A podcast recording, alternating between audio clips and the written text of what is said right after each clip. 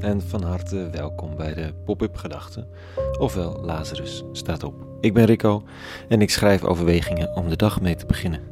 Vandaag met de titel Tussen frustratie en apathie. Pop-up Gedachten vrijdag 16 april 2021.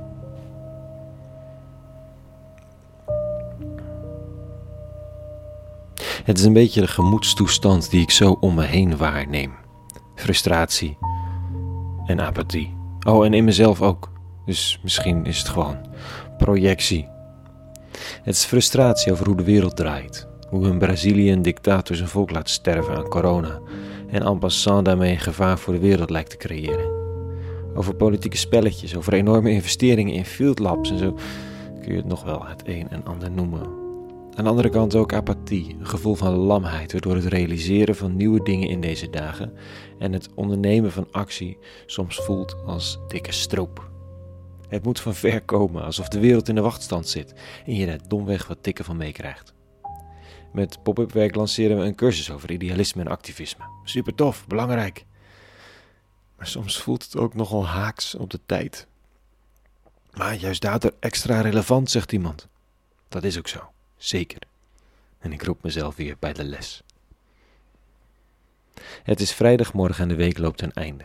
Om ons heen gebeurt van alles en gebeurt van alles niet waarvan we hoopten dat het ondertussen wel weer zou gebeuren. We leven een beetje tussen hoop en vrees en dat is al even zo. Vandaag lees ik over Gamaliel, een wijze religieuze leider van het Joodse volk in de tijd van Jezus van Nazareth, of eigenlijk net na de tijd van Jezus want die is al dood en volgens zijn leerlingen opgestaan. Dat laatste geeft me een heisa in de stad.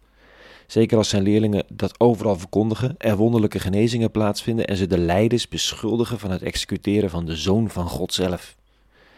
Ga in die chaos maar eens doen wat goed is. Dit staat er.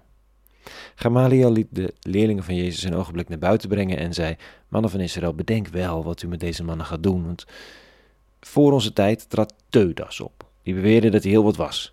En bij wie zich een groep aansloot van ongeveer 400 man. Hij werd gedood en alle die op hem vertrouwden werden uiteengejaagd. Na hem, in de dagen van de volkstelling, trad Judas de Galileër op en sleepte veel volk mee. Ook hij ging te gronden en alle die op hem vertrouwden werden verstrooid. Wat ons geval betreft zeg ik u, Bemoei je niet met deze mensen. Laat ze hun gang gaan. Gaat deze opzet of dit werk van mensen uit, dan zal het op niks uitlopen. Gaat het echter van God uit, dan zult gij hen niet uiteen kunnen slaan. Anders zou misschien blijken dat u uzelf tegen God in verzet bent gekomen. Gamaliel gaat dus even helikopteren. Al kent hij dat woord waarschijnlijk niet. Je kunt wel in het hier en nu iets proberen op te lossen, uit de angst dat het anders misgaat of vanuit verantwoordelijkheidsgevoel. Maar sommige dingen hebben tijd nodig. En dan zal blijken of ze een goddelijk goede oorsprong hebben. In dat geval is het vechten tegen bierkaai om het klein te krijgen. Of dat het iets opgeblazen kleinmenselijks is en dan valt het vanzelf uit elkaar. Laat maar. We frustreren ons over van alles deze dagen, maar Gamaliel neemt even afstand. We kijken even over langere tijd hoe het zich ontwikkelt. Er is een kracht in deze wereld aanwezig die goddelijk goed van oorsprong is en het kwaad straft zichzelf. Vertrouw.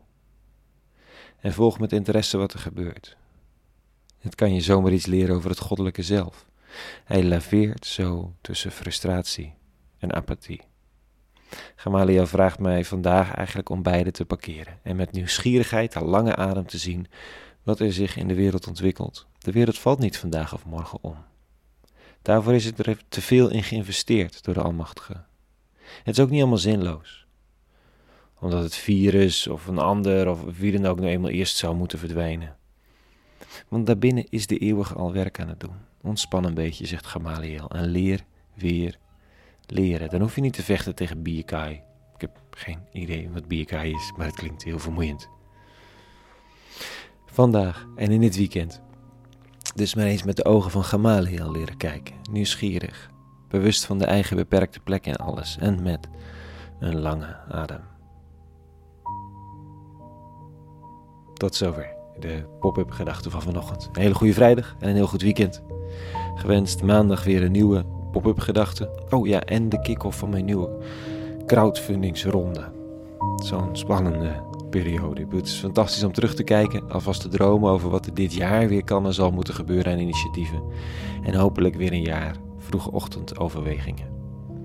Dat is maandag. Voor nu, vrede gewenst. En alle goeds.